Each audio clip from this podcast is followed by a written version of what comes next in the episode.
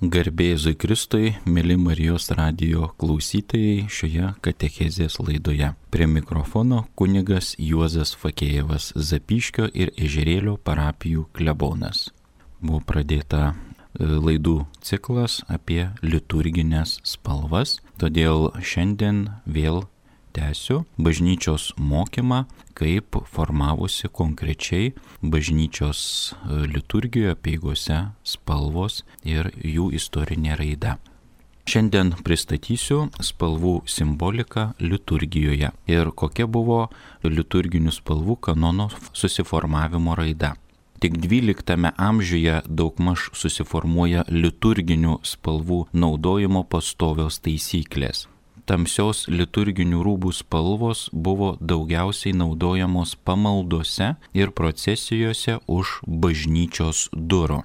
Greta purpuro skalės e, buvo toks tarsi šūkis susiformavęs, kuo tamsiau, tuo iškilmingiau. Tuomet buvo bendro pobūdžio spalvų suvokimas, pagal kurį šviesus tonai, kaip raudoni ir geltoni, kaip džiaugsmingi, o tamsios spalvos daugiau priskiriamos prie liūdėsio.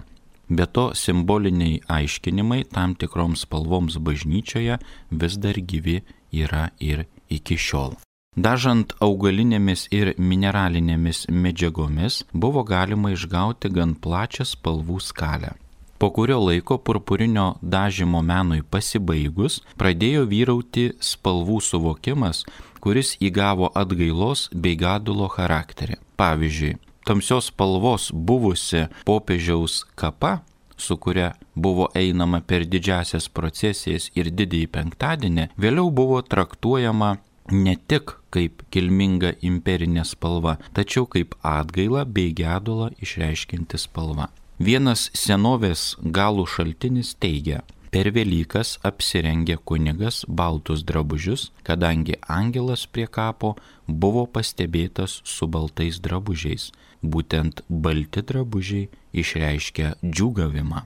Pakitus spalvų suvokimui XII amžiaus eigoje daugelį vietovių atsiranda spalvų taisyklės ne tik liturginiams viršutiniams drabužiams, bet ir įvairioms insignijoms išvertus iš lotynų kalbos šį žodį, reiškia tai dvasininkų aukščiausios valdžios ženklai, kaip popiežiaus tiara ir aktai, vyskopo mitra ir pastoralas.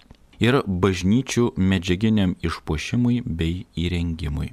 Šie spalvų kanonai kaip taisyklė nėra priboti vien Romos skalės purpuriniais tonais, tačiau egzistavo mėlynos, geltonos, sidabrinės spalvos medžiagos.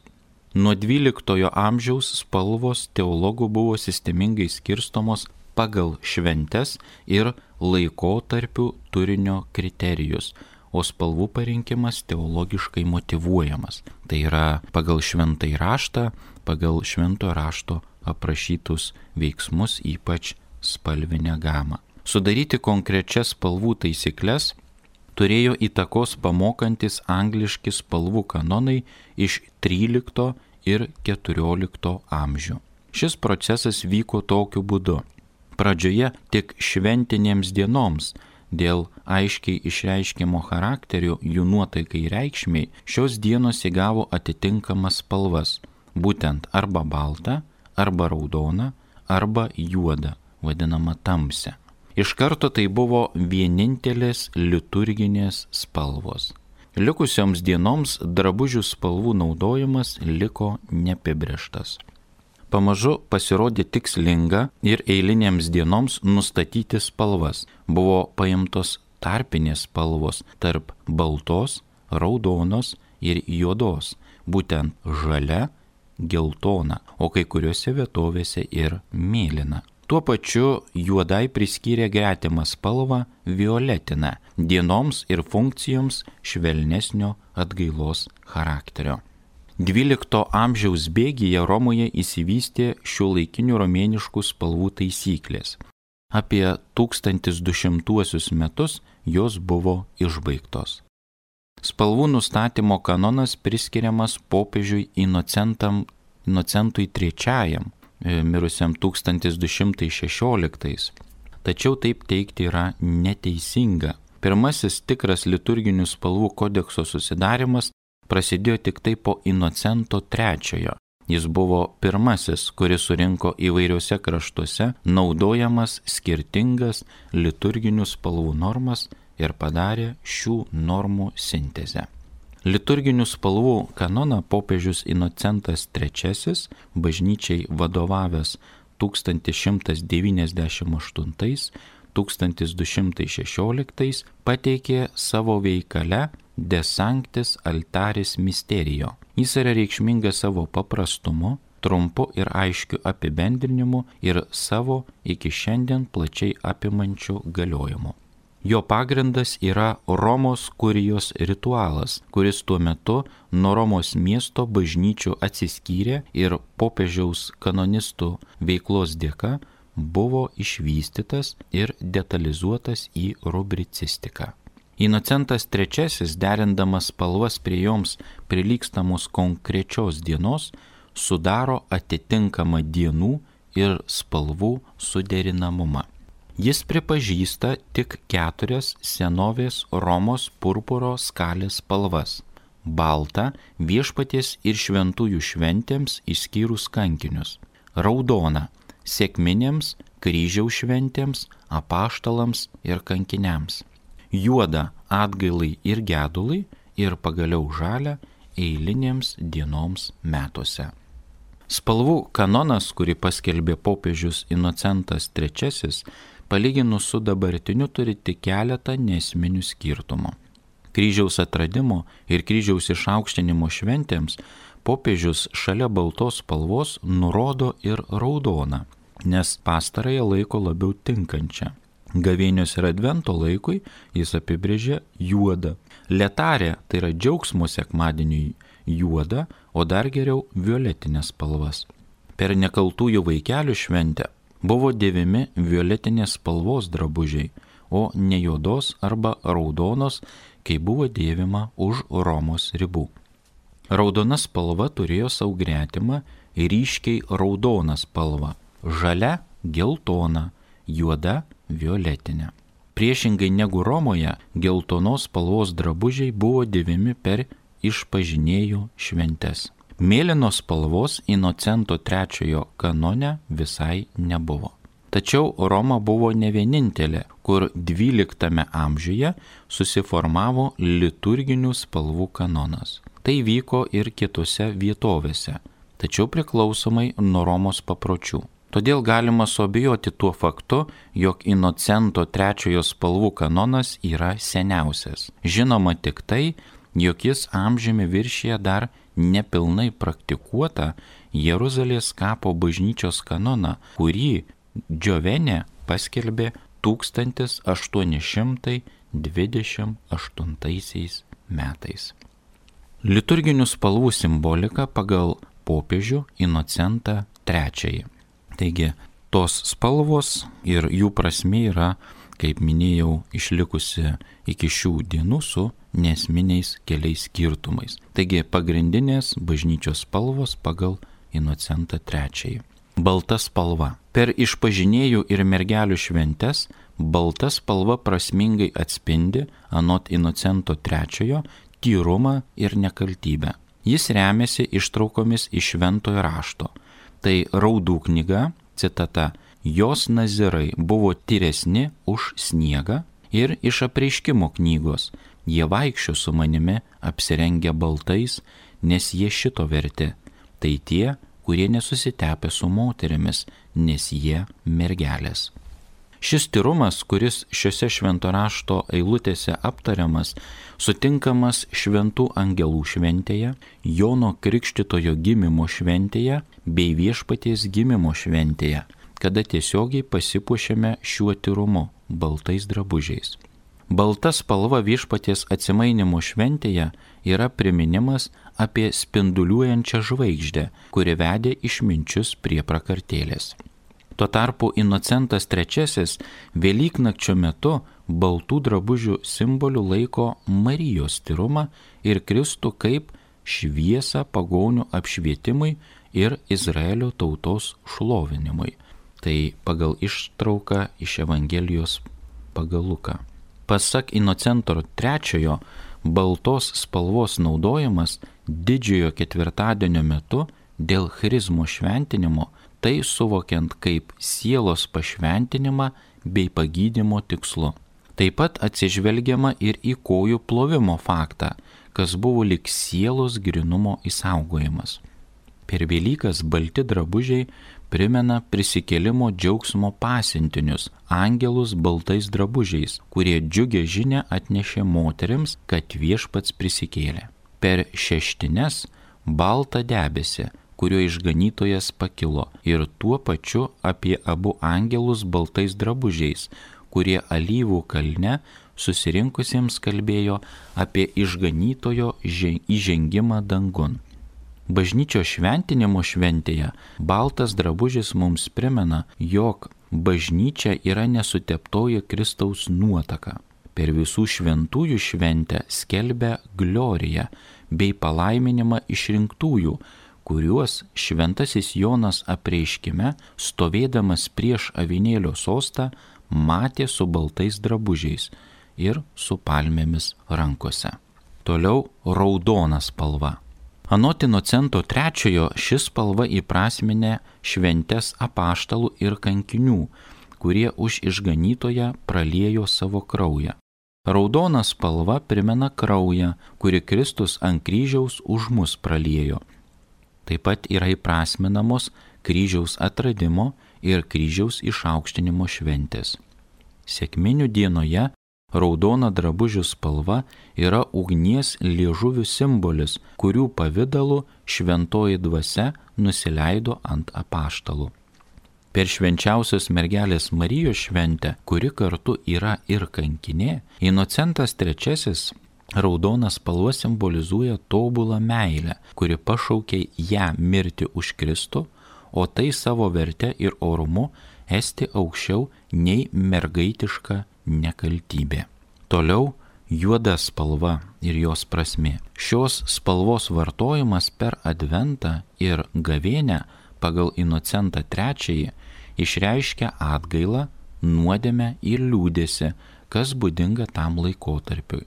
Taip pat per mišes užmirusius, kai kur net per nekaltųjų vaikelių šventę įrengiamasi juodais drabužiais. Juoda spalva simbolizuoja liūdėsi ir gedulą. Violetinė spalva. Šios spalvos naudojimui Inocentas III neturi jokio mistinio paaiškinimo, tačiau ją apibrėžia kaip šalutinę ir pakaitinę spalvą juodai. Durandas von Memrė, tai Memrė vyskupas, liturgistas, gyvenęs 1230 1296 nurodo priežastį, kodėl tam tikromis dienomis dėvimi violetinės spalvos drabužiai. Aplinkybė yra ta, kad tai yra niki ir spalva panaši į krauju apkrešėjusią vietą. Dauguma autorių aiškindami violetinės spalvos prasme remiasi gėlės našlaitės nusižeminimu. Tačiau taip teikti yra neteisinga, nes violetinė spalva niekada nebuvo nusižeminimo simboliu, nors kai kur anksčiau buvo paprotys per išpažinėjų ir šventųjų moterų šventes dėvėti violetinius bažnytinius drabužius. Visais laikais ši spalva buvo tik atgailos ir gedulo išraiška, kalties jausmo ir pasaulio atsisakymo simbolis. Žalia ir geltona spalva. Apie žalę spalvą popiežiaus Inocento aiškinimuose nėra nepėtsako. Žalios reikia daugiau, kadangi šis spalva yra vidurys tarp baltumo, juodumo ir raudonumo. Tuo popiežius nori pasakyti, kad yra dienų, kurios neturi taip stipriai išreikšto charakterio, kad joms tiktų balta, raudona arba juoda. Tačiau kalbėdamas apie žalę spalvą nurodo, kad galima naudoti ir geltoną spalvą. Jis aiškiai pastebi, jog geltona spalva yra kaip šalutinė spalva ir kaip pakaitinė žaliai spalvai. Šis Inocento III pateiktas Romos kurijos kanonas neįpareigojo kitų bažnyčių. Taip pat ši pamaldų praktika ne visada atitiko šią schemą. Tačiau dėl savo paprastumo ir aiškumo šis spalvų kanonas didelę įtaką laimėjo dėka jau minėto vyskupo Durando von Memre, kas pasireiškė spalvų kanono perėmimu ir naudojimu. Tai vėliau pateko į Misalę Romanom 1570 metų vadinamą Romos mišiolą. Čia padarysime muzikinę pertrauką nuo visų spalvų, kad mūsų akis neapraiptų ir neapsvaigtume. Primenu, kad Echezės laidos tema - liturginės spalvos. Šiandien kalbame apie liturginių spalvų prasme. Prie mikrofono kunigas Juozas Fakėjevas.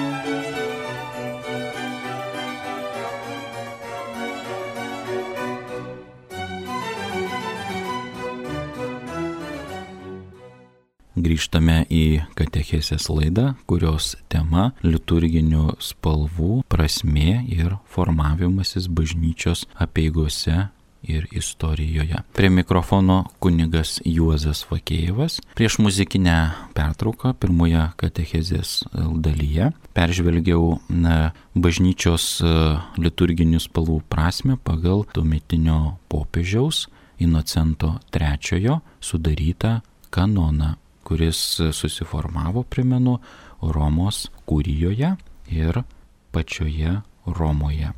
Toliau žvelgdami chronologiškai pasižiūrėkime, kaip viskas vystėsi toliau, ypač svarbiais bažnyčios susirinkimais, kuriuose ir buvo aptariami šie klausimai. Tai vienas iš pagrindinių ir svarbių toliau vykusių bažnyčioje susirinkimų, kurie aptarė liturginės apeigas, kartu įtraukdami ir spalvų kanono susiformavimą, susidėliojimą, tai Tridento susirinkimo liturginės reformos. Šis susirinkimas buvo sušauktas 1545 ir baigėsi 1563. Vyko Italijoje, Tridento mieste, buvo skirtas reformacijos padariniams įveikti. Po šio susirinkimo Romos ritualas turėjo penkias pagrindinės liturginės spalvas - baltą, raudoną, žalę, violetinę ir juodą. Geltona ir mėlyna, kurios anksčiau kai kuriais atvejais buvo naudojamos kaip pakaitinės spalvos, iš Misalė Romanom arba Romos mišiolo liturginių spalvų kanono buvo galutinai išimtos netgi kai kur draudžiama buvo naudoti. Ritualų kongregacija pakartotinai pabrėžė, kad geltoni ir mėlyni liturginiai drabužiai yra visiškai nenaudojami ir šios spalvos buvo apibrieštos kaip neleistinos. Taigi matome jau, grininasi 16 amžiuje bažnyčios istorijoje ir spalvų kanono formavimasi konkrečios spalvos. Turime žmogų per telefoną. Klausau. Garbėsiu Kristų. Per amžius amen. Čia Jonas iš Druskininkų. Malonu, ponas Jonai. Norėjau paklausti, kaip yra paveikslėliai šventi ten e, šventųjų arba Dievas Jėzus Kristus. Taip. Su e, motina Marija aplink galvą būna pavaizduoti e, baltai šviečiančiai, gal ir apibriešta rutuliukų kartais. Bet principė kaip žmonės būna, yra tokie sensorai, kurie mato auras. Tai kai gal kur paaišė irgi gal matydavo panašiai kaip pagal šventą raštą ant taboro kalno buvo e, trys apaštalai - Petras, Jonas ir dar ten pamiršau. Ir matė tą atsimainimą ir po to sakė, niekam nekalbėk tik po, po prisikelimo, niekam nesakyti, kad ten atsimainė ir po to, kaip e, Rykas ten marška tokia buvo, matė arba kaip Jonas į trečią dangų pakilusi. Aš tiek suprantu, sensorai žmonės tokie, kurie matė spalvas. Ką jūs galite pasakyti apie tos visokius piešinius ir, ir apie tokius žmonės? Ačiū. Mato auras. Ačiū, supratau. Tai, e, mielas Jonai, krikščioniškoji terminologijoje ir mokėme nėra žodžio aura, jis yra nevartotinas ir savo misliai, kai sako seni žmonės, savo mintys ir sąmoniai prašome ištrinti. Nėra. Nes tai yra ezoterinė savoka ir krikščionis iš vis neturėtų disponuoti, kalbant, pristatant savo tikėjimą. Tai o ten visokie sensoriai, aš pirmą kartą čia girdžiu tokius dalykus, nes irgi mūsų net seminarijoje ten nemokino, kas ten ką matė, kas ten ko nematė, yra pripažinti vadinami bažnyčios regėtojai arba jų vizijos ir jie yra užfiksuoti oficialiam bažnyčios mokymė, dokumentais ištirti ir panašiai. Bet šiandien šitos katechezės laida, tai truputį tada pasuksiu klausimą apie vadinamus nimbus, kur minėjo pradžioje Jonas savo kalbėjimo ar klausimo nupiešti. Tai šventumo simbolis, ženklas virš Jėzaus, virš Marijos, virš kitų šventųjų, kad žmonės jau pasiekia piešiami, mes turime vieną iš penkių jūslių regą. Ir šitą iš penkių jūslių, kuri Dievo dovanota, net kai kurie mystikai ir šventieji sakydavo, šventumą šioje žemėje, liturgijos ypač metu, mes turim išgyventi visiai, visais penkiais pojūčiais. Ir tas vienas iš svarbių pojūčių yra regėjimas rega. Tai būtent piešiami, kad žmonės dvasinę prasme įsivaizduotų ne fizinę kad su nimbais tai yra su šventumo, su tyrumo simboliu galėtume matyti, atskirti, nes net ir šventieji yra piešiami su savo simboliais, dėl savo kankinystės kaip kankiniai, dėl savo šventumo pasiekimo, dėl savo netgi žemėje galbūt turėdami kažkokį amatą profesiją su kažkokiu daiktu, kad jie būtų atskirti. Ir daug kas šitą žino, kaip kas atrodo.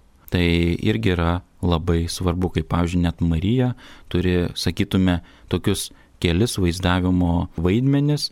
Tai motina su kūdikiu, Dievo motina su rožiniu rankose, tai vadinama rožinio karalienė, Marija apsupta angelų, mes žinom, kad tai yra angelų karalienė, taip toliau ir panašiai. Taip pat ten koks šventasis, pavyzdžiui, Juozapas su pražydusia lelyje, dar kartais su kūdikiu vaizduojamas, tai žinom, kad tai švento Juozapo statula, bet tai yra atskira tema ir irgi jinai plati, labai be galo įdomi, taip pat ir su tomis spalvomis yra ir piešiami, taip pat statulos nudažomos, kad šventieji kažką mums sakytų ir mes pažintume, nuvykę ne tik Lietuvoje, bet galbūt į užsienį katalikų bažnyčias, pamatę šventojo statulą ar paveikslą, suvo, žinotume, čia visoji katalikų bažnyčia visame pasaulyje taip yra simbolizuojamas šitas šventasis, e, taip Dievo motina piešiama su tam tikrais simboliais, taip piešiamas yra Jėzus.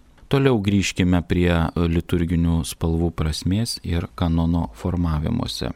Toliau po antro Vatikano susirinkimo liturginės reformos, kuris dar sustiprino šituos dalykus, Primenu, jis vyko Vatikane 1962-65 metais ir 1962 m. spalį jie atidarė popiežius Jonas XXIII, o uždarė popiežius Paulius VI. Po šio susirinkimo liturginės reformos kai kuriuose vietose buvo panaikintas spalvotas apipavydalinimas ne tik liturginių rūbų, bet ir kito bažnyčios inventoriaus - tai sosto, altoriaus ir sakyklos. Kunigo stula tampa pagrindiniu žymekliu, kuris nurodo tos dienos nuotaiką ir spalvą.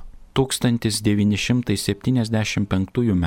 vadinami bendrėjai Romos mišiolo nuostatai nurodo, kad dėl liturginių drabužių spalvos reikia laikytis tradicijos. Būtent balta spalva valandų liturgijoje, tai yra kur kalba vienuoliai, kunigai, taip pat yra ir e, pasauliečių tarpe kalbamos valandų liturgijos ir mišiose vartojama Velykų ir Kalėdų laiku.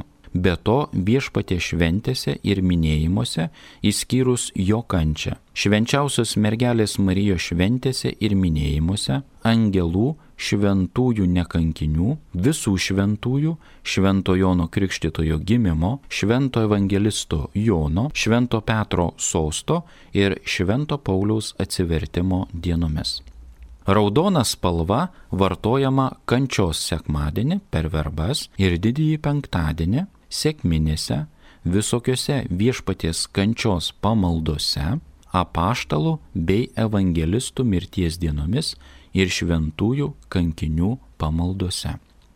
Žalia spalva vartojama eilinio metų laiko valandų liturgijoje ir mišiose.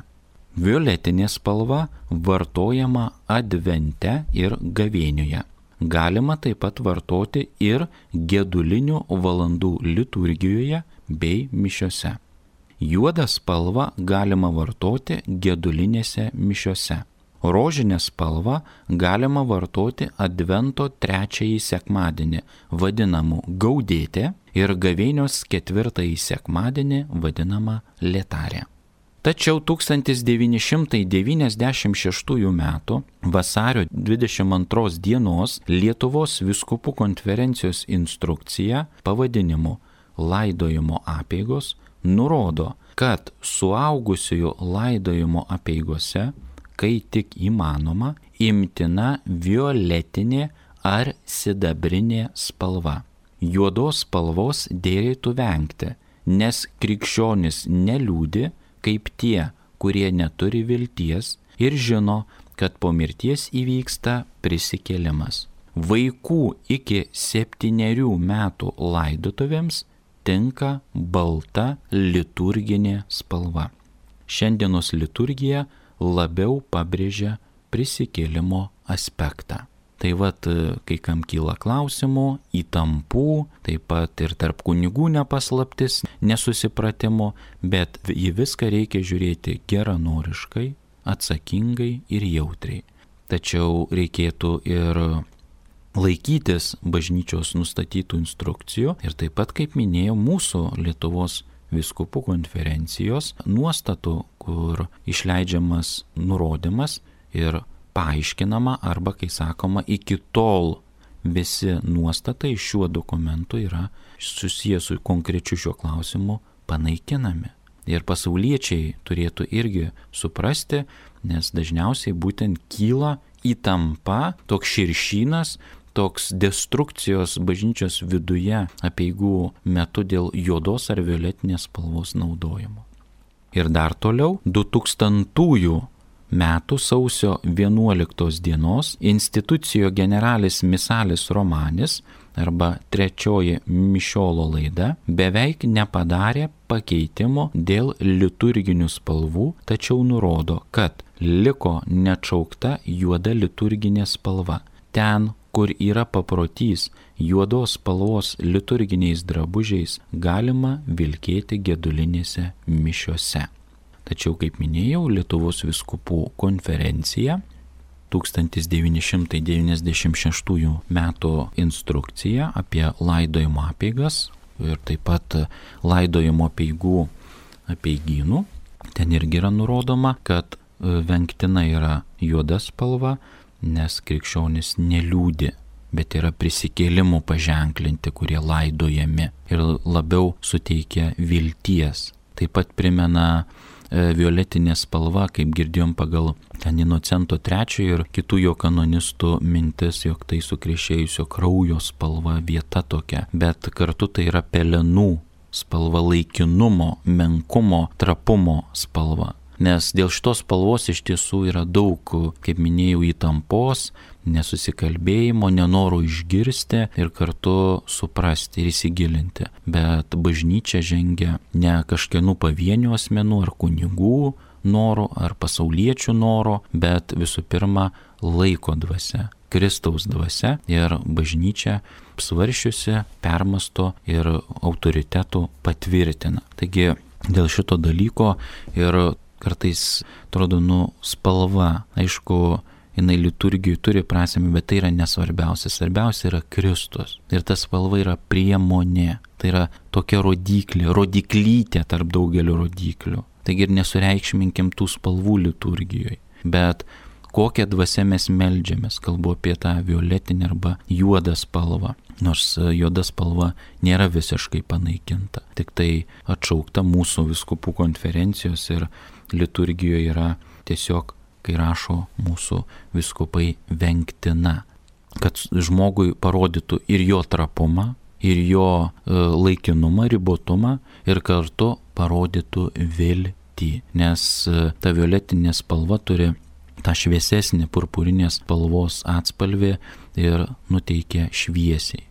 Todėl ir net e, laidotuvių peiginė yra mūsų konferencijos patvirtinta pagal mūsų krašto apeigas ir kultūrą daugiau Velykinio, kristocentrinio simbolio. Tai Velykų žvakė, tai e, giesmės, tai turinys yra atnaujintas, parengtas. Taigi mes turime girdėti su bažnyčia, sakė e, po antro Vatikano sentyrė kumė klezija. Jauskime su bažnyčia, sakė bažnyčios susirinkimo tėvai. Jauskime, girdėkime, šveskime liturgiją. Taigi labiau žvelgime prasme, šiuo atveju dėl tos juodos ar violetinės spalvos. Daugiau skiriu dėmesio, nes kaip minėjau, kilo įtampa po antro Vatikano liturginių reformų įgyvendinimo mūsų apieigose liturgijoje.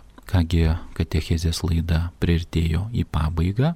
Tai buvo antroji katechezės laida iš visos e, trijų laidų arba trilogijos. Dar po savaitės bus dar viena laida apie liturginės spalvas ir jų reikšmę mūsų laikmetyje ir dabartinėse mūsų apieigose.